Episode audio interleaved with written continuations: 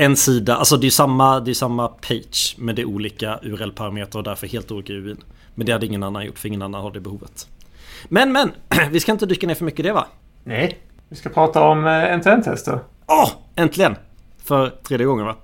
Nej, jag vet inte. Ja, vi, vi, ja, vi trodde att vi hade pratat en massa om det men sen visade det sig att vi inte har pratat så mycket om det som vi trodde vi hade. så kanske det.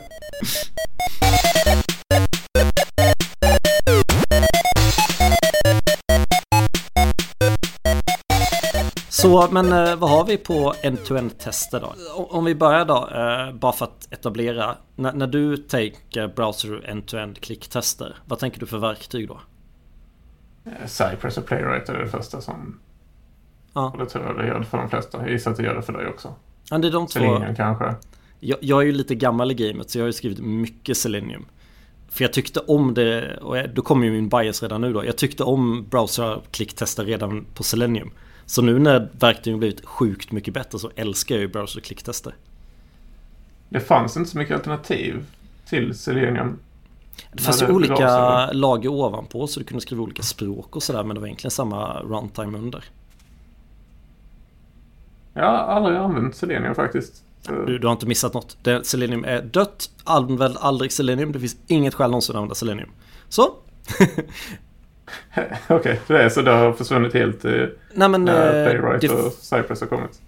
Det fanns ju något skäl att så här, Cypress bara är JavaScript men Playwright kan du skriva de flesta språk idag. Det finns inget vettigt skäl att använda Selenium för det är en föråldrad teknik. Det är sämre på många alla sätt. Framförallt, ja, nu dyker vi in i detalj då men det, det, det Selenium hade mycket problem med att det var att det tog tid. Den hade dålig liksom, kontakt med browsern kan jag väl säga. Så det, det, tog lång tid att köra för den kunde inte köra så fort någonting var klart utan det tog tid.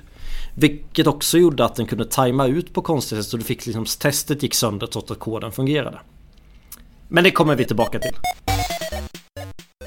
Varför gillar du en tester då? För att, ska vi se hur man uttrycker detta på bästa sätt. För att man försöker återskapa det som i så stor utsträckning som möjligt är användaren. En en tilltänkt användare. Eller man försöker emulera en användare. Mm. I verkliga, under verkliga omständigheter. Eller så verkliga omständigheter man kan göra. Det kommer vi säkert komma in på också. Men... Ja, men jag håller helt jag med. Det är ut. Ja. Det är ett riktigt kundbeteende. Man, man, man kan göra samma saker som kunden kan. Jag menar testautomatisering, det är ju inte konstigt. Du kan, du kan klicka, du kan skriva saker, du kan kolla på skärmen och säga att nu ska det stå den här saken där. Det, det, är liksom kundens behov, inte teknikens behov som är drivern i det här testet. Mm. Det är mycket lättare att ärva ut det här ur en user story. Än vad ett skapa ett unit-test ur en user story är oftast svårt. Om det är en user som är as a end user. Därför gillar jag det riktigt bra. Jag kommer referera mycket till, eh, jag har precis skrivit en snabbsök. Alltså en sån här sök som är längst uppe på sidan hela tiden. Mm. Och då är det ju liksom så här ja men då skriver man, då vet man ju vilka beteenden som ska funka. Och trots det så hittar man alla buggarna i det. Också jag eh, märkte en sån enkel grej som att eh, appen exekverar överhuvudtaget. Mm. Kort efter vi bara hade satt upp liksom, ja, det minsta möjliga var att vi satte upp Cypress i ett tidigare projekt. Och så hade vi inga tester för den bara, den bara öppnade appen. Loggade in appen och öppnade den. Och sen så mm och sen så eh, bråkade vi lite om hur vi skulle skriva testerna och vilka tester vi skulle skriva. Men under tiden det låg i bakgrunden och körde i pipelinen så rätt för det så hade vi introducerat en ändring i en annan feature som kraschade hela appen om init. Ja. Det, det är också för, förvånansvärt enkelt att göra. Så bara, bara, att man inte trycker ut en sån grej i produktion för det hade du inte märkt med väldigt separerade enhetstester förmodligen kanske. Ja. Eh, eller det, det, finns en chans att du inte hade märkt i alla fall. Mm. Om du inte känner så här att du mountar rotkomponenten eller något. Mm. Men äh, ja, det, det, känns bra. I och med att man kör appen på riktigt i någonting och får en output. Ja, alltså för mig är det en bra magkänsla för jag får liksom en sanity check på att det viktigaste fungerar. Säg nu när jag skriver min snabbsök. Vilket göra, liksom jag har inte liksom jag har inte gjort browserklicktester på allting. Men jag vet att skriver jag tecken där så kommer ett sökresultat upp. Klickar jag på sökresultatet så kommer jag till den produkten. Sen kanske det kan finnas det... detaljer som inte funkar men bara det där pyttelilla testet. Sen har jag skrivit fler. Men bara det pyttelilla testet. Klicka på söken, skriv tecken, klicka på första sökresultatet. Du kommer till någonting som ser samma ut. Hur de söker, är det en sök som eh, exekverar riktiga API-anrop eller är det en sök som liksom filtrerar statiska resurser som du har lagrat i din webbläsare? Ja, nu dyker vi detaljfrågor på en gång. Vad roligt. Uh, mocka eller inte mocka? Uh, vad är ett end-to-end test egentligen? Uh, ja. Mitt standardsvar är att det beror på. Uh, men jag tycker att nu när jag gjort en snabbsök. Vad vill jag verifiera? Jo, jag vill verifiera att den funkar tillsammans med backend. Då söker jag på en produkt och förväntar mig, och det är en så här superstandardprodukt, den kommer finnas kvar för alltid. Eh, och riktig data, jag klickar på den och den kommer upp. Då kan min frontend, och, jag kör den här samtidigt som jag kör min frontend. Eh, varje gång i min pipeline som jag vill deploya in i fronten kod kommer det här testet köras. Och jag förväntar mig då att backenden funkar. Så min pipeline kan gå sönder ifall backenden har tagit bort den här produkten. Men det är det värt, för det är så sällan det händer och då är det okej. Okay. Alla andra test däremot går jag gärna... Jag testar en gång att det funkar med riktig backend. Men sen när jag vill testa all edge cases jag menar, jag vet att fronten och backend funkar ihop. Det har jag verifierat. Nu vill jag verifiera att min fronten-kod funkar som kunden förväntar sig. Mm. Då skriver jag det oftast med mockad backend. Säg långa svarstider. Eh, det tog tre sekunder innan backen svarade. Men kunden började skriva igen efter två sekunder för den fattade inte att det laddade. Beter det sig fortfarande rätt då? Får jag aldrig se mellansökresultat utan bara... Ja, om jag sökt då, om jag skickar iväg två backarna upp. Kommer bara svaret från den sikta fram till kunden. Som slipper flimret. Det är kul lika att testa mockat. Hur tänker du? Eh, jag håller... Ja. Problemet med mockade, mockad data är att den är mockad. Det vill säga hårdkodad för om man inte gör något riktigt krångligt.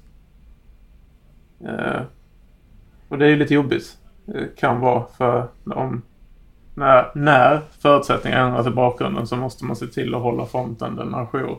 Och se till att uppdatera den mockade datan. Och min erfarenhet med mockad data är att det blir ofta väldigt stora JSON-objekt. Mm. Som är ganska svåra att underhålla. Mm. Uh, så, så, det är inte helt utan problem att ha mockad data. För då kan man ju ha happy cases i, test, i testerna. Men backen är annorlunda. Så jag tycker man ska vara försiktig med att göra för stora mockningar. Mm, jag förstår vad du menar.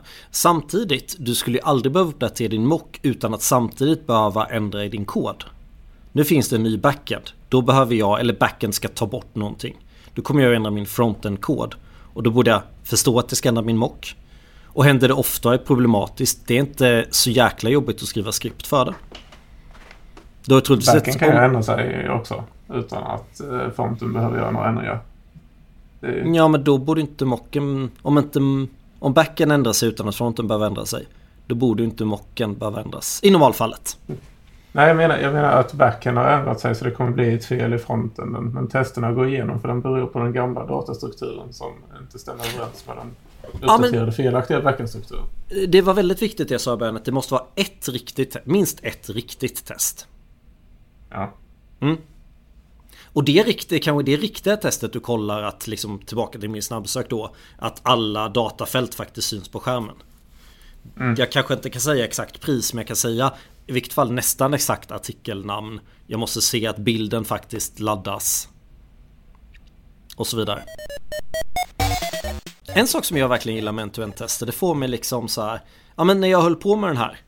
Eh, då skulle det finnas liksom en eh, visa alla träffar-knappen som kom till söksidan istället för snabbsöken.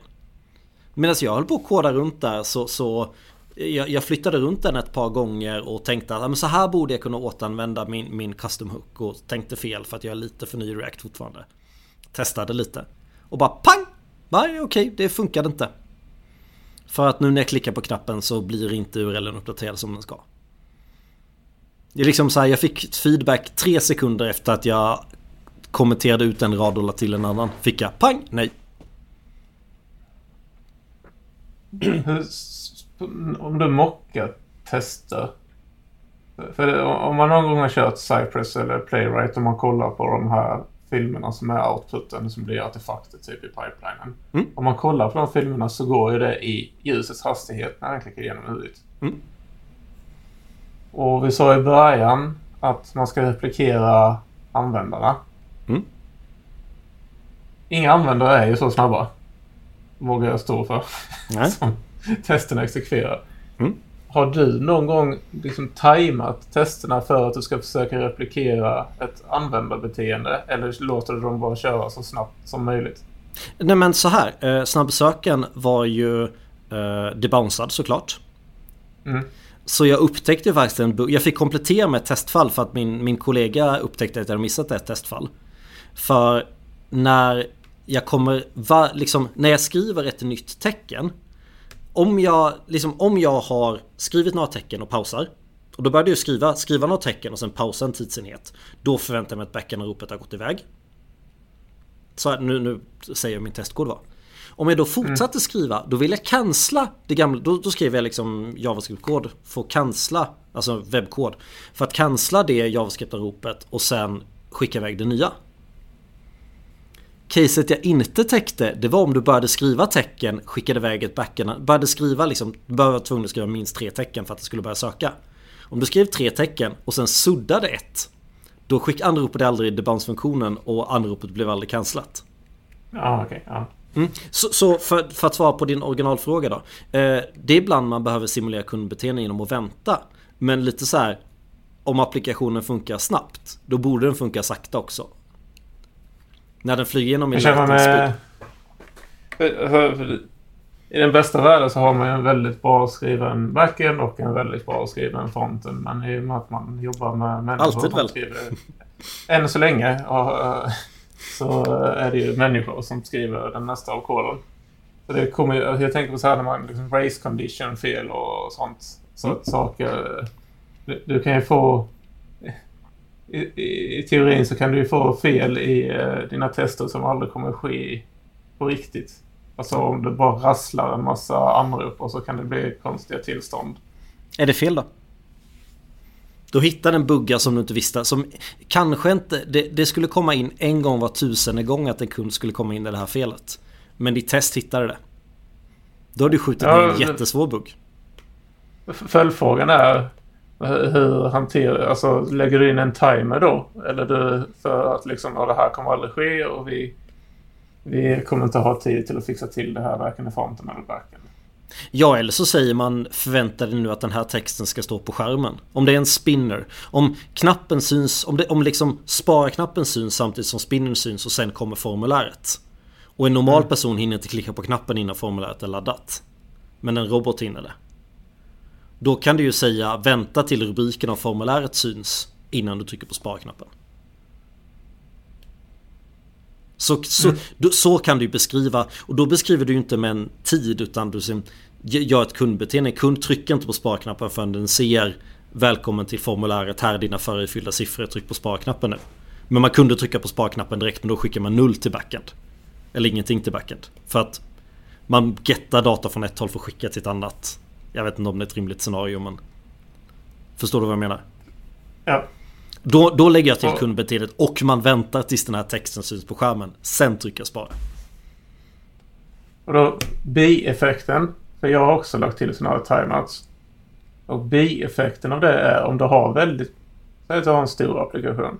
Mm. Antingen får man ju dela upp så att man kör, testar olika delar i olika, liksom så att de kör vid sidan om varandra. Eller fast det känns som för det mesta så sätter man liksom upp en Cypress-session.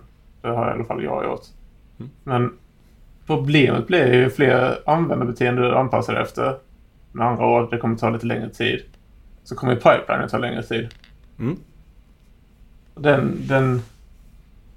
Så är det. Om, beroende på hur ofta man kör pipelinen så kommer det vara olika populärt för liksom resten som det är helt klart en fallgrop. Det finns ju massa sätt att optimera det för. Cypress är tyvärr ett lite tråkigt exempel. För en av de negativa sakerna med den är att man måste betala för att köra tester parallellt. Och från om man ens kan köra det på sin maskin parallellt. Utan då måste du köra testerna på deras server och måste ha liksom en... Du måste komma igång och testmiljön. Men, men där är ju Cypress ett edge case. Eh, när jag kört det mycket så har man haft två strategier. Det ena var microfrontends och då är problemet redan löst. För då är det bara din microfronten du behöver testa av för det är bara den du släpper. Mm. Och då är problemet löst. För om en microfrontend tar mer än no någon minut att testa automatisera. Då är din microfrontend för stor. Mm. Skulle jag vilja argumentera för. Eh, och det andra är eh, någon strategi på att bara köra delmängder av testerna. Eller bara vid vissa tillfällen. Eller vi tillåter eh, mercha din feature branch. Även om end-to-end-testerna inte gått igenom. De första, om de första tre stegen går igenom så koden bygger och den är linta som den ska och unit-testerna går bra. Då tillåter vi en merge. Och sen så kanske liksom då kanske det inte är svinjobbigt att det tar 10 minuter i master att köra alla tester. Nej. Men då finns det en sak som jag tycker är viktig där. Och det är ju att man måste jobba stenhårt på att hålla nere sina false negatives. Jag glömmer alltid bort om det är typ 1 eller typ 2 fel. Men, men det, det kanske ingen annan vet heller så det spelar ingen roll. Alltså, testet säger rött. Men systemet funkar. Och oftast skulle jag säga att det beror på att du har ett, liksom, antingen att du har ett ostabilt system. Eller att du använder ja, Selenium. Det är den stora skillnaden mellan de nya bättre verktygen är att den typen av fel händer mycket mer sällan. Vad är ett exempel på ett sånt fel då? Ja, men att den förväntade sig att någonting skulle komma upp och sen kom det aldrig upp eller något sånt där. Att den, ja, den, klickar, den, hittar, den hittar inte det här elementet som den skulle klicka på. Var ett typiskt sånt fel. Mm, för det är lite... Uh, vi har precis satt upp Playwright på mitt nuvarande uppdrag. Mm. Och det var inte jag som satte upp det. Men han som satte upp det eh, har inte använt superunika identifierare. Alltså när han letar upp elementen. Mm. Eh, för det var någon devis han hade hittat på eh, internet att man liksom, eh, om man kan undvika så ska man undvika att lägga till massa id överallt. Ja, Men det är också jag, är med i lag, jag är med laget. Ja, och jag också. Lite i teorin, men det är också lite läskigt ibland för det är så himla lätt att eh, sabba det. Mm. och inte riktigt förstå vad som hände. Men Eh, där vill man ju se till att man kör sina tester i feature-branschen. Både att man kodar sin kod och sina tester i samma bransch. Så koden, liksom merge-requesten är så här. Eh, den som reviewar behöver inte ens checka ut din kod. Eller det kan det kan, det kan ju såklart köra i vilket fall. Men den ser vad du har testautomatiserat så den kan förvänta sig vad som redan funkar. Och att du inte sabbar ett existerande med det du gör. Utan det ska komma i samma MR. Och för att det ska funka måste du antingen deploya din feature branch till någon testmiljö som du kan nå med Cypress eller Playwright på något sätt. Ett testautomatiseringsverktyg, för det finns ju flera. Eller att du kör från localhost. Du startar servern och sen kör du Cypress mot localhost. Mm, för jag tänkte, för det, till skillnad från vanliga enhetstester som är väldigt mycket snabbare att exekvera om man inte har enormt många eller någon krånglig uppsättning. Mm. Så att, le, att leva med de här typen av tester ställer lite krav på hur man jobbar också. Det är det jag menar, man ändrar någonting och sen så pushar det upp och sen säg att, säg att det är så som det är ibland i verkligheten, att du jobbar på en feature ganska länge, sen så gör du en pull request av den och så ser du att någonting har failat och så vet du inte vad vilka av de 100 commitsen du har committat under den senaste veckan det är som har sabbat det för att det är lite svårt att följa. Mm. Alltså, ja, för att det ska funka så tycker jag att man måste få någon form av kontinuerlig respons från testerna. Och det är jobbigt att köra dem lokalt hela tiden. Det tycker jag är jättejobbigt. För Varför det är nästan det man ska... Nej, Jag, jag, har, jag tänkte komma till, jag hade hellre haft liksom att man har en draft branch och inte gör en pull, alltså en draft eh, pull request som inte flaggas. Ni ska inte reviewa denna. Men att man har den uppe och så att Ja, den ger men- respons. Jag tycker att man ska köra en testande på varje push. Och du, ligger kom- du pushar ju varje dag. Du committar flera gånger varje dag och pushar minst en gång om dagen. Eller hur? Ja, och och det, då ska vi tillägga att det, det, när, när man kör dem lokalt så går det enormt mycket snabbare än att köra dem i pipelines. Varför det? Är nästa? Ja, det, det har gjort för mig i alla fall. Det har alltid tagit längre tid att köra testerna i molnet. Alltså oftast om du inte har en färdig Docker image så måste du installera en del. Men med lite install. Kanske jag som är dålig på att sätta upp pipelines då. Men jag, jag tycker det går alltid mycket snabbare att köra lokalt. Okej. Ja, det delar inte den erfarenheten. Jag tror det brukade ta 2-3 minuter i mitt gamla projekt med microfrontends. Och då var det typ en minut att jag inte orkade sätta upp en Docker image som hade förinstallerad Chrome och eh, Cypress. För det går ju att installera dem globalt liksom. Om man vill. Ja, det- denna, denna Playwright-instansen jag körde här. När jag kollar på delen i... Eh, eh, vi använder Azure. TMI. eh, eh, och då kan jag se att själva steget när den körs så kör det mycket snabbare än jämfört med lokalt. Och, det, och vi har inte så mycket tester uppe än. Vet inte ifall det... Nej men den är har, snabbare lokalt menar du? ja, snabbare lokalt än det som kör i Mm, pipelinen. Alltså Ah. bara steget när själva testen exekverar. Inte alls min erfarenhet men jag, jag kan ganska ofta jobba så, alltså när jag har en bra uppsättning med, med browser-klicktesterna då jobbar jag ganska ofta, kanske inte helt testdrivet men jag kanske skriver koden först och sen så automatiserar jag hur man ska klicka det i browsern. Jag klickar sällan i browsern när jag skriver funktionen. Utan jag låter min robot göra det. Så jag kör liksom 50-50 Visual Studio Code på ena sidan och, och ja, Cypress var det då. Eller det spelar ingen roll. På andra halvan av skärmen. Istället för frågan när du vill att testerna ska köras. När Mm. vill du... När vill du inte att testerna ska köras? Alltså vad är fallgroparna där? Är det, du, du snackar, nu nu snackar du om githooks. Är det bästa praxis och... Nej, inte GitHooks. Jag menar när jag pushar upp koden så vill jag att det ska köras på min feature branch i min pipeline. Okay, Jag tycker aldrig man ska kräva av utvecklaren att köra det på sin maskin. Eller testaren för den delen. Eller vem som Nej. helst som kodar repot. Men pipelinen på varje, efter varje push menar jag. Tack Mm. för att så inte det blev ett missförstånd. Nej, eh, jag, Men du, du frågade om selektorer, jag vill ändå hoppa tillbaka till den. Eh, Mm.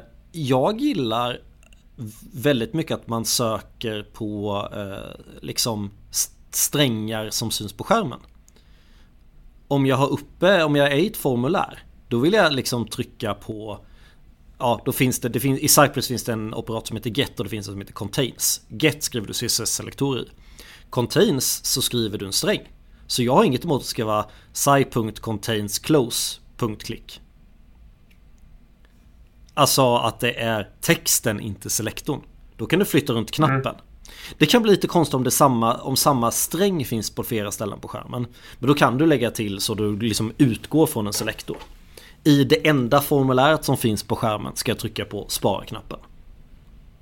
Eller formuläret med det här namet. det, det blir jobbigt om du har finsk copy också. Ja men då är ju det en del av, av setupen att man kör språket, att man sätter språk.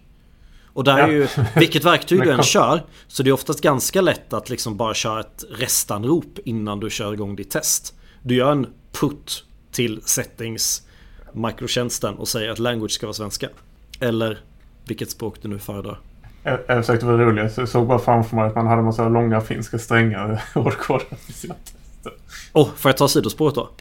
Eh, Ja. jag, jag, har, jag har skrivit skript där vi har uh, varje gång du ändrat i din sv.json eller en.json var det säkert. Så, så körs pipeline ett skript. Om den filen är ändrad så körs det ett jobb som laddar upp den på en FTP.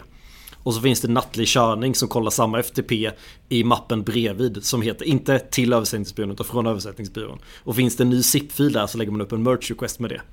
Och då kör vi ett unit-test som kollar, då får man liksom per key så kan man sätta Normalt, vi satte så här någon grundregel att det får max vara 150% längre än originalspråket.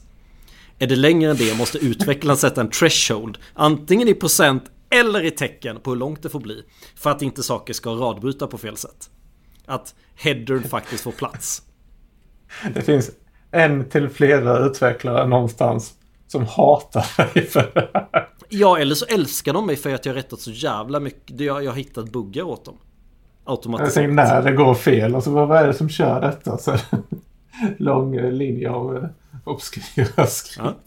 Men, det är, ju, men det, är ju, det är ju den pipeline, det är bara den, den merge requestens pipeline som failar. För det är bara... Cedry? Var det ett Node-skript eller det var liksom...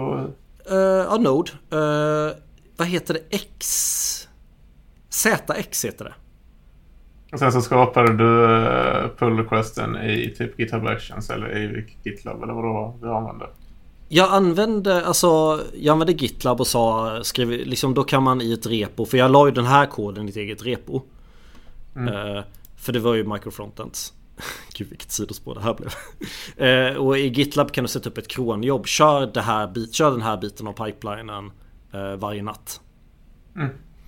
Och ZX är liksom ett sätt, du får en syntax där du skriver await, dollar och sen backtick. Och sen det som är innanför där som att du har skrivit i en terminal.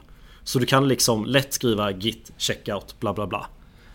Mm. Sen tror jag vi körde ett lib för att lägga upp en merch request. När vi hade liksom pushat koden liksom git push upstream bla bla bla eh, MR translation dagens datum. Så använder vi nog GitLab plugin ett npm lib för att skapa en merch request. Jag, jag, tror alla som lyssnar här som någon gång har jobbat med inte helt optimala förutsättningar för översättningar med en extern översättningsbyrå har 100% sympati för den här lösningen. Det är så jobbigt med copy. Nej men alltså så mycket, alltså det, det tog en del utvecklingstid. Jag jobbade säkert på det där totalt i, i två veckor när jag gjorde det och sen någon dag där och där för att hålla det vid liv. Mm. Så det var ganska lång return of invest, säkert två år för alla team att få tillbaka den investen. Men mm. alltså i arbetstid. Men sen hur mycket buggar för att man copy-pastade fel är ju den stora mm. vinsten i det jobbet. Men men, vad fan. Vi, vi var lite problem med testautomatisering. Vi har varit inne i timeline-tid. Vad, vad har vi mer som vi tycker är problem med end-to-end-tester? Ja, när vi pratade inför avsnittet så pratade vi om... Det går ju nästan inte att undvika om inloggning. Eh, och eventuella säkerhetshål som man kan introducera i sin applikation. Mm. Så är det. Eh, vanlig, jag, jag är lite ambivalent mot det här men det vanliga är liksom som du har eh, MFA aktiverat så ber du din eh, administrator för AD att skapa en användare som inte behöver gå via MFA. Och det känns... Men du, kan vi, kan vi ta den nivå för nivå istället? Om vi börjar med ja, att vi. börjar med testmiljöer. Där i en mm. testmiljö mm. borde du kunna få en användare utan, liksom, om du inte har MFA, då kan du skapa en testanvändare. Mm. Ett användarlösenord som bara ska användas i testmiljön. Mm. Och i Happy Case har du inte ens inloggning, men, men eh, det har man oftast. Eh, om du har på MFA, då är ju frågeställningen Ska man tillåta en användare utan MFA i prod? Eller bara i testmiljö?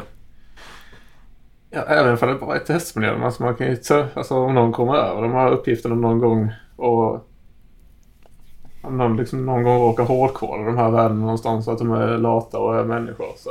Och finns i git-historiken för alltid? Ja, för alltid liksom. Ja. Mm. Eller det, för det, att man har en sån användare och sen så adderar man att människor, men alltså det öppnar för så mycket utrymme för mänskliga misstag och så skickar man runt de här uppgifterna. Och, Mm. Så, så fort man har skapat en användare så är det fem stycken olika människor som har skickat runt de här uppgifterna för att de ska kunna testa det lokalt. Mm. Uh, jag är lite så här ambivalent. Jag vet inte vilket bästa, bästa lösningen är. Har Cypress någon bra sån liksom MSA eller om man tar Microsoft som exempel. Microsoft Authentication Library-integration. Att man kan... Ja men alltså till att börja med oavsett verktyg så, så länge... Ja, det är ju kod i början. Så kan du lösa, kan du skapa en token. För egentligen ditt mål är att skapa en token som nästan alltid ligger i en cookie. Så ofta mm. så kan du skapa en cookie på samma sätt som liksom Du vill ju komma in Så om du kan göra ett Node-skript som kan logga in dig på något sätt mm. Så länge du inte är säkerhetsteamet utan bara vill komma in Så är det good enough i min värld Om du har hittat ett sätt att med skript komma in Som inte borde vara okej, då är det en critical bug till säkerhetsteamet. Det borde inte vara okej. Okay, den tokenen då? Ja, det är det man får se till att den gör. Mm. det är också lika farligt. För då kan man favorisera en token med skrift. Mm. Men ja, så här, Jag har lite för lite erfarenhet. Jag har någon gång tagit mig förbi mobilt bank-id. Men det är lite en slippery slope också. Där finns det ju skript oh. du kan köra. Alltså mobilt bank-id i testmiljöer. Då har du ju... Okay, ja. Då pekar ju din mobilt bank-id i din testmiljö. Alltså du pekar ju det mot en testinstans av mobilt bank-id. Och det, är, det ska vara ganska lätt. Jag har inte lagt till mycket tid på det att ta sig förbi. MFA är lite jobbigare. Men... Eh, det man kan säga om... Eh, I och med att man ska analysera riktiga användare och en användare som loggar in. Och man ska mm. om man vill exekvera riktiga anor upp mot en eh, riktig backend så behöver du giltigt token. Det, det är, den, den grejen är ju, kan vi väl fastslå är liksom krånglig att leva med med sådana här typer av tester. Ja. Kanske inte leva med men det är lite risky att implementera det. Alltså det finns hål i att implementera det på de vanligaste sätten. Men, men där vill jag lyfta en liten sak då. När du skriver ett end-to-end-test då ska du verkligen fundera på vad det är den här kunden vill verifiera. Liksom i ditt system, om du inte äger inloggningen då ska ju inte du börja verifiera att inloggningen funkar. Jag har varit alldeles för trött. Jag, jag var med i en microfronten som gjorde liksom toppnavigationen. Som vi ibland, avsiktligt ibland, fuckade upp i testmiljöer för att vi ville eh, testa en sak och någon ville se det. Och de ville inte gå in på featurebranschen för de kunde inte och vi var snälla. Så vi fuckade upp testmiljön avsiktligt. Då var andra team sura på oss. Vår, vår pipeline går igenom för att testa automatisering, klicka navigationen. Vi bara, nej men alltså ert ansvar är inte navigationen. Ni ska inte klicka längst uppe, klicka på settings. Ni ska inte klicka på koggen i toppmenyn, klicka på settings-knappen. Ni ska gå till slash settings, ni ska URL-navigera till er sida. För det är inte ert ansvar i er tjänst att se till att det funkar. Var du med? Mm. Ja, jag med. Den principen är viktig att ha med sig vad det är man gör. Det är därför jag menar på samma sätt. Om det här är ett end-to-end test för att verifiera att din frontend funkar. Så vill du en gång verifiera att den funkar med din backend. Är det därifrån lättare att mocka så är det ju inte backenden du verifierar. Om backenden ofta går sönder så vill du inte, vill du inte upptäcka det när du släpper din frontend lite senare. Då vill du upptäcka det med API-tester på din backend istället. Och man skulle kunna generera sin mockdata ur de API-testerna. Side note. Jag har kommit på två bra frågor som är helt olika. Mm. Som jag kommer att tänka på när du pratade. Säg, för du pratade om microfrontends innan och de har isolerade tester och de går snabbt. Liksom. Mm. Men säg att du är teamet som bygger skalet som konsumerar 10 till 100 microfrontends. Mm. Ska de skriva end-to-end-tester som beror så mycket på outputen Alltså ska de söka selekta saker innanför en microfronten eller ska de bara testa sitt skal? För de kan ju hamna i ett läge där fem stycken microfrontens failar men de kan inte ändra någonting på den koden och då kan de inte deploya. Om skalteamet ska testa sina barn? Är frågan. Ja. Jag tycker inte det. Jag tycker att skalteamet ska... Så här, den får väl göra det. Men ja, det är ju inte liksom, som du säger, det får inte hindra dess deploy. För det kanske är Nej. något cirkulärberoende där att den behöver deployas för att de inte ska, för att de ska sluta. Ja, jag vet inte. Då borde man Men, flagga de testerna som varningar och inte errors. Alltså så att man inte hindrar kan man release kanske. För det kan vara ett ganska bra sätt att bekräfta kursfunktionalitet mellan microfrontends. Att man skalar applikationen testar att de... Eh, ja men det är därför, det är ju liksom- ett av skälen att du inte vill ha så mycket kommunikation mellan microfrontends. Ja, absolut. Men jag vet också hur verkligheten ser ut. Ja. Men sen när du testar, när du testar din microfrontend. Eh, då är det ju på samma sätt. Då kanske du ska testa en gång att det funkar i skalet. Alltså den som vill starta dig. Mm. Sen så ska du efter det ska du göra det som är enklast för dig. I vårt fall var det enklare att starta hela skalet och starta min microfrontend. Via skalet. Mm. Men det behöver det inte vara. Jag ser inget problem att någon skriver något där man liksom ha en in, egen inexport HTML där man bara lägger in sitt web component om man har den wrappen runt eller vad den man har. Risken är om man gör sådana tester med den här skalapplikationen att man får en massa varningar som aldrig görs någonting åt. Så, så slutar man lita på sina end-to-end-tester istället. Ja. Och då, då skriver man dem inte samtidigt som man skriver sin kod. Och upptäcker att debouncern inte funkade jättetidigt istället för jättesent. För att jag hade slarvat med min debounce. Att use-memon inte riktigt funkade som jag ville. att eh, en use effect där man skriver variab, en av variablerna som har dependency array fast en oändlig loop. Hade tagit mig lite längre tid att upptäcka. Använder ni ESLint-regeln? Det låter som du har, hyser lite agg mot React Hooks. Använder ni ESLint-regeln uh, Exhaustive Dependencies? Ja. Ja, bra. Underlättar ju livet ganska mycket. Mm. Vi har ganska mycket ESLint. På gott och ont. Ja. Fråga nummer två. Du pratade lite om, du sa testmiljöer. Mm. Och vi, och vi sa att exekvera anrop mot en riktig backendmiljö. Mm. Vad är det för backendmiljö då? Är det att man har en... Eh, liksom... Att man har så här klassiskt flera stycken eh, backends uppe som man deploy, där backend deployar olika ändringar? Eller ska man vara cool som Sören och exekvera alla sina end-to-end-tester mot produktion? Alltså till att börja med, eh, köra sin end-to-end-tester mot produktion kan man ju bara göra om man kan komma åt produktionsdata. Och det ska man ju sträva efter. Det är jättebra när man kan testa i produktion. Mm. Eh, man kan lägga på en header, en, liksom en cookie i sitt anrop. Som gör att fronten och backen kan gå hela vägen ner genom köpflödet i produktion. Förutom mm. det sista kritiska steget. För där har man if den här kakan finns. Eh, avbryt nu. Eller så flaggar man alla andra upp att man är testanvändare eller någonting. Mm, ja men på något sätt indikerar det. Eh, eh, annars så, har... så, så, nära produktion du får. För då är du så riktigt uh, data som möjligt. För du ska alltså inte verifiera jag... att backen funkar. Tycker jag. Utan det ska du göra med API-tester istället på om de inte släpps tillsammans. Släpps de tillsammans kan du göra det. Men ofta så har du ju fronten och backen separerad. Då vill du köra API-tester istället för att avgöra om du släpper din backend. Och end-to-end-tester för att avgöra om du... Liksom end-to-end-tester med mycket mockad backend för att avgöra att din fronten funkar. Och sen kanske ni har en delad svit. Om någon av er vill släppa så kan man trigga den här biten.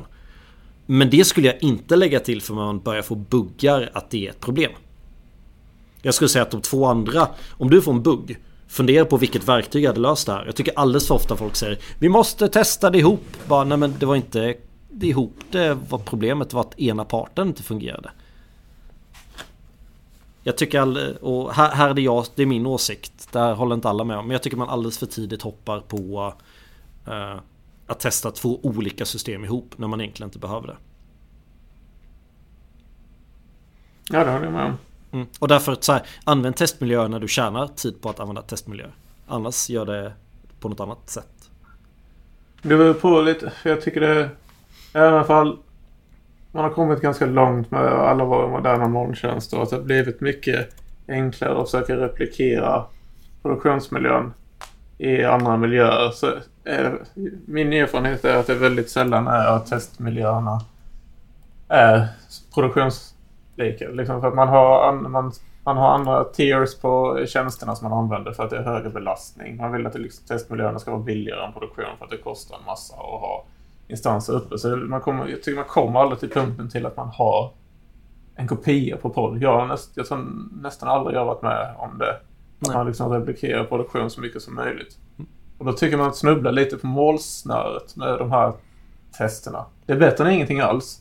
Men det hade varit så himla bra om man hade kunnat bara flagga sina andra på något sätt och säga hej, här kommer jag en testanvändare, nu ska jag försöka belasta produktion. Uh.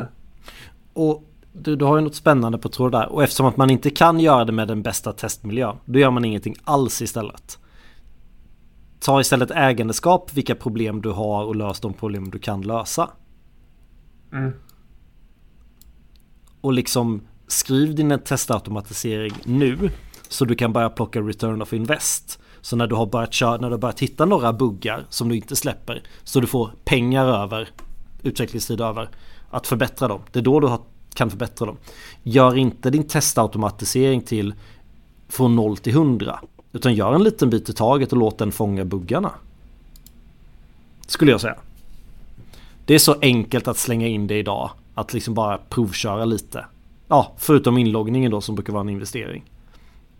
Investeringen blir mindre och mindre, return of investor blir snabbare och snabbare. Gör inte för mycket på en gång. För när jag började med Cypress då körde det bara i en browser. Nu kan väl Cypress, nu har inte jag kört Cypress på ett tag. Men vilken browser var det? Den körde bara Chrome i början va? Eller var det bara... Mm, bara Chrome. Och nu är det typ Chromiums och Firefox väl och Safari väl också beta. Alltså jag kommer ihåg för det uppdraget jag satt på då körde bara Firefox. Nej, det är det. Ja. Så, så, det är där Playwright kom in. När, när du väljer ett verktyg så är det ju Cypress eller Playwright du ska välja mellan de olika för och nackdelar. Uh, Playwright kan göra saker som inte Cypress kan. Men Cypress har lite bättre upp, användarupplevelse. Det är lite lättare att köra testerna. Du ser testerna på ditt skärm på ett helt annat sätt och kan scrolla tillbaka historiken och köra om bitar och sådär. Finns det några fler så här roliga verktyg du vill tipsa om? Du har använt det här mycket mer än mig. Jag vet, du har pratat mycket om Gherkin innan du och jag har pratat själva. Jag tycker om Gherkin. Eh, för att ganska ofta så ser jag att folk... Så här, om du inte har Gherkin så ser du testfall som går uppifrån och ner. Eh, som gör liksom lite, lite klick och lite type och lite klick och lite expect. Mm. Oftast så lägger du alla dina selektorer i en egen fil. Eller i vilket fall mm. i ett eget objekt vid sidan om. För att jag vill kanske återanvända den här selektorn ifall jag vill göra ett liknande test och vill klicka på samma gear-knapp eller något sånt där. Om du klickar på gear-knappen, kugghjulet och sen trycker på settings. Jag gillar Gherkins för att det är en, för mig en schysst abstraktionslager om det ska vara det här kunddrivna beteendet. Abstraktionslagret, mm. jag går till setting, när jag går till settingssidan innebär att jag klickar på gear och klickar på settings. Då har du liksom den abstraktionsnivån. Och då behöver du inte ha selektorn gear någon annanstans utan då kan du inlina den. Då blir Gherkinen lätt att förstå om du vill veta hur systemet fungerar. Och implementationen blir lätt att förstå för allting som finns finns i den funktionen. Så det är liksom ett sätt att mappa svenska eller engelska till en kort funktion som gör få saker. Finns det andra problem med Gherkins också ifall man vill göra om du vill blanda in JavaScript mitt i en Gherkin så blir det lite svårt. Om du vill brancha ditt test baserat på ett backend-svar för att du inte kan styra din backend. Ja, om du vill klicka på spara flera gånger ifall backend inte fungerar så är det lite svårare än Gherkin till exempel. Jag, jag har alltid varit lite ambivalent mot Gherkin för jag tyckte liksom att det är en... Ja, för de som inte vet vad Gherkin är om man inte riktigt hängde med vad Mattias sa så är det bara att man kan skriva typ i klartext testerna som en sträng så att de är enkla att läsa. Och så finns det en teknisk implementation där man mappar upp de olika entiteterna som är i strängarna. Ja. Eh, eh, man, man, skriver testet uh, som givet att jag är inloggad som en testanvändare, givet att jag går till settingssidan och klick och ja, man, man skriver dem liksom så. Eh, då kan man liksom, det finns mycket fördelar med det här. Man kan ta det till sina kravar och se liksom stämmer, stämmer det här testet enligt kraven som ni skrev. För här har jag testet i klartext. Och sen en grej får, jag, får jag skruva på, på den då? Eh, jag har, jag har varit i ett team där vi tillsammans som hela teamet, kodarna, testaren, kravaren, produktägaren. Det var en produktägare och en kravare för det var ett litet komplext system. Satt i samma rum och skrev Gherkins ihop. Mm. Och sen det efter det, det, det efter det avgjorde vi, ska det här vara ett browsertest, API-test eller unit-test på backend-nivån? Men en bieffekt av de testerna, eh, innan jag tappar den tanken, mm. är att jag, slutprodukten på de testerna som var uppsatta nu, för de, playwright-testerna som jag snackade om att en kollega satt upp. Mm. Och så var jag lite ambivalent i Gherkin innan, för det, det är ändå liksom en dependency till och lite teknisk implementation och lite abstraktion mm. som ska underhållas och så vidare. Men slutprodukten är ganska komplex ganska komplex och det är väldigt komplexa alltså, UX-flöden. Liksom det är ett krångligt system som man kommer inte undan att det är krångligt. Det är ett internt business-system. Det är ganska komplext. Ja, systemet är komplext. Ja, det, det funkar skitbra som dokumentation. Alltså, mm. så, nu har vi bara tre, fyra test uppe och sånt. Men om man... Om, då ser det som att man dokumenterar hela applikationen. Så när det kommer in en ny frontändare i teamet eller backender, läs Gherkin-testerna så vet ni vad som händer. Läs, alltså, läs merch-requesten. Ja, det är, det är himla... Alltså, ja.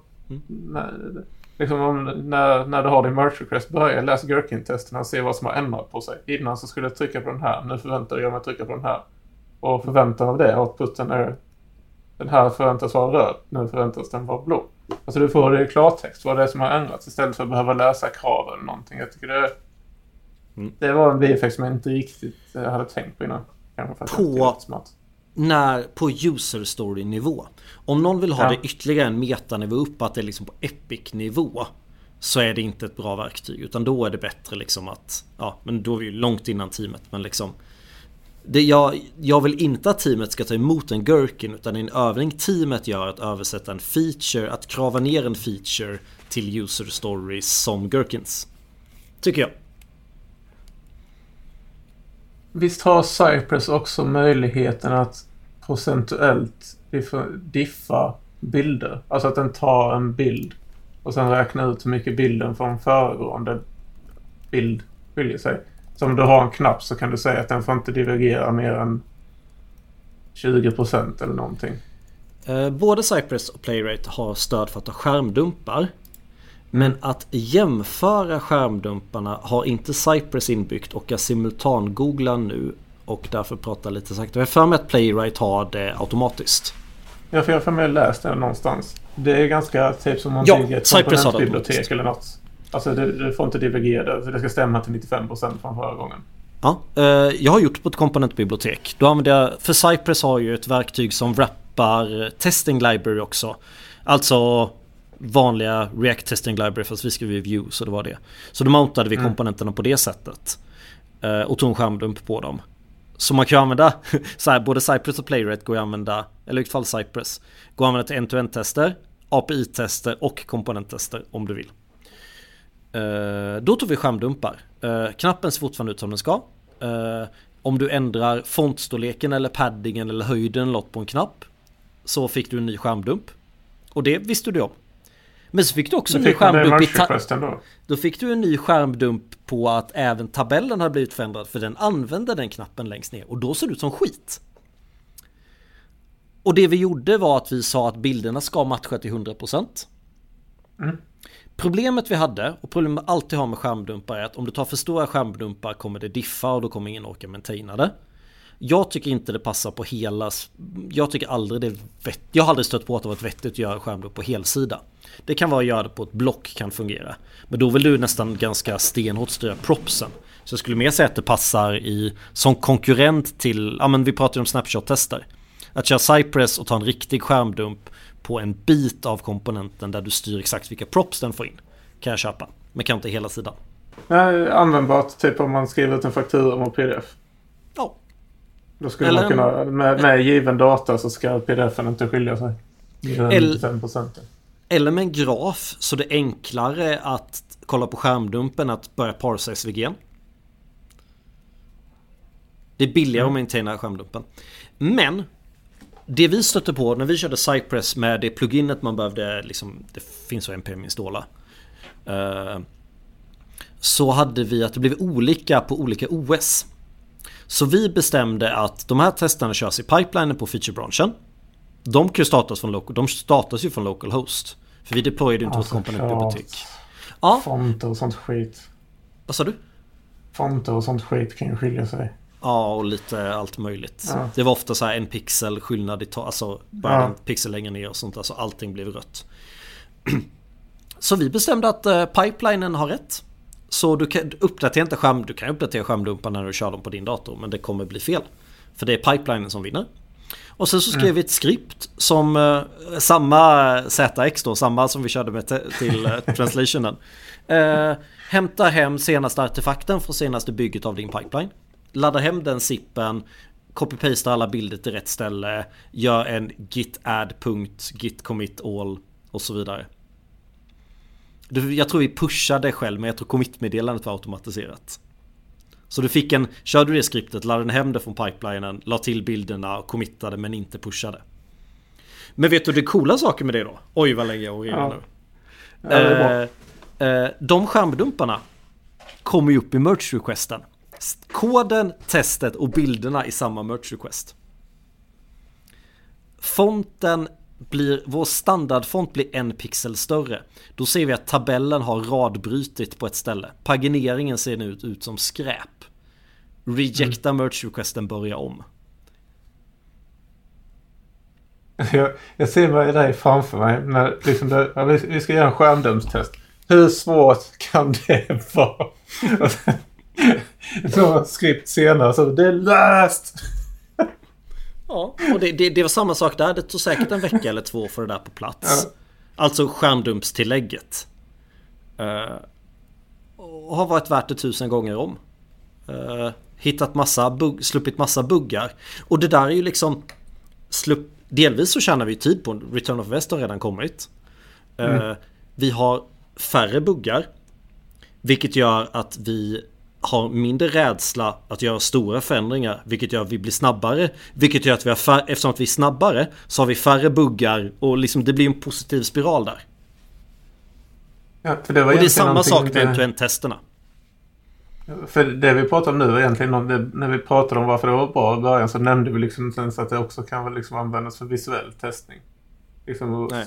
Så att, att få, jag... alltså, typ att UX-designers är nöjda med outputen efter förändringar Alltså så att en designer Håll... kan gå in och kolla på merge request. Men ta inte skärmdumpar på helsida. Nej, det... det... Det är för dyrt att maintaina relativt vad värdet är. Jag håller med. Du måste nästan mocka bort backend helt och hållet och då är det så här, what's the point? Någonstans. Du får, när de går sönder så är det troligtvis för att du vill att de ska gå sönder, inte för att... Ja. Du får rött men det funkar för att du har inte tryckt på tumme upp än. Det finns en aspekt vi inte alls varit inne på som kan göra det här jobbigt. Eh, med mockning då. Eh, tillbaka till mockning. Server-side rendering funkar inte jättebra om du ska mocka din backend. Nej. Det ska finnas adapters så du i Next ska kunna mocka din backends backend. Och du ska ju kunna styra det med kakor och skriva det i liksom din get server side props kan du läsa en kaka och hämta från en mock istället. Men det är inte riktigt lika intuitivt. Det är så många gånger, för jag brukar säga att använd bara servergenerering till externa system där sökmedelsoptimering är tungt och man jagar mm. liksom... Ja, absolut. You got me. Och så får jag alltid sånt mottag. Ja, men det är ändå ganska nice med Next så här. Ja, det introducerar massa komplexitet. Och så får man mm. Men jag tror, vadå för komplexitet? Mm. Alltså, man, man orkar inte radera. Men det, det kommer som ett brev på posten. Men alltså när du Klart säger det så... Jag får nästan lite nästa uppenbarelse då. Det är ju uppenbart att React går mot server components. React mm. går mot server-side rendering. React går ännu mer mot publika system. Kanske till viss mm. del inloggad. Liksom, de gör det för Facebooks skull. Uh, men det passar bra till många system. Men om de tar det steget då lämnar de ju lite liksom avancerade JavaScript-applikationer bakom sig. Jag ser när, när de släpper nästa medieversion. För det, det är lite det hänger på en skör tråd. Vilket håll de ska gå. Ska de köra på det hållet du beskriver Eller ska de introducera någon form av stöd för webbkomponenter? Mm. Uh. Och det där något annat över världen. Och det är därför jag inte tror på att liksom eh, Quick kommer vara lösningen heller för de adresserar samma problem. Eh, det är därför så här Svältkit är lite med i min värld för då kan man lika väl välja Next. Men svält är coolt. Mm. Det är mysigt. Ja. Det pratar vi mm. ofta om i denna podden. Ja, och sen är ju View bäst men det... goes, goes without saying. Den åsikten är du ensam om den här podden. Ja. Kan vi det här nu? Ska, är det någonting vi kan... Eh, någon röd tråd som vi kan fastslå om end-to-end-tester med hjälp av Cypress och Playwright som vi pratat mest om? Det fastslår uh, ganska snabbt att man ska skita i Selenium. Ja, skulle jag vilja säga en sak. Det är en investment. Uh, men den investmenten krymper hela tiden.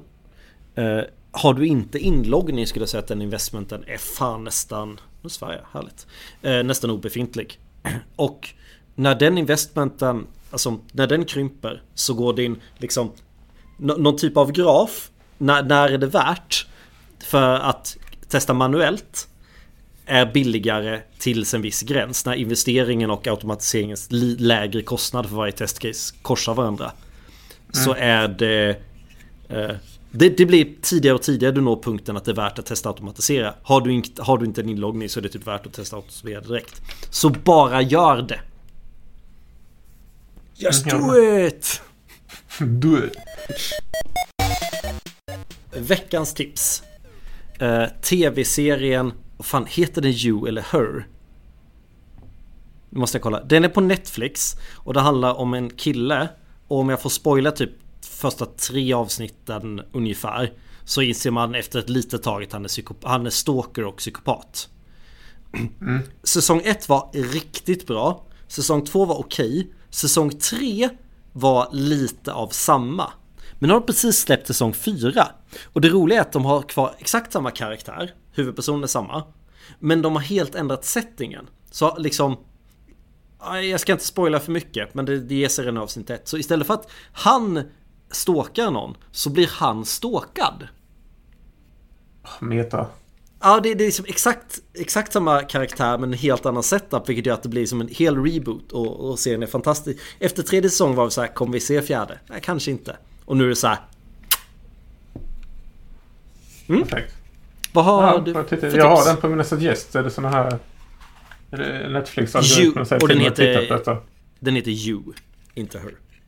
Mitt tips har jag redan pratat om. För jag tänkte att jag skulle vara lite fyndig. Och, eh, I och med att jag fick någon form av renässans på Gherkin. Så jag tänkte tipsa om att faktiskt eh, om man kände...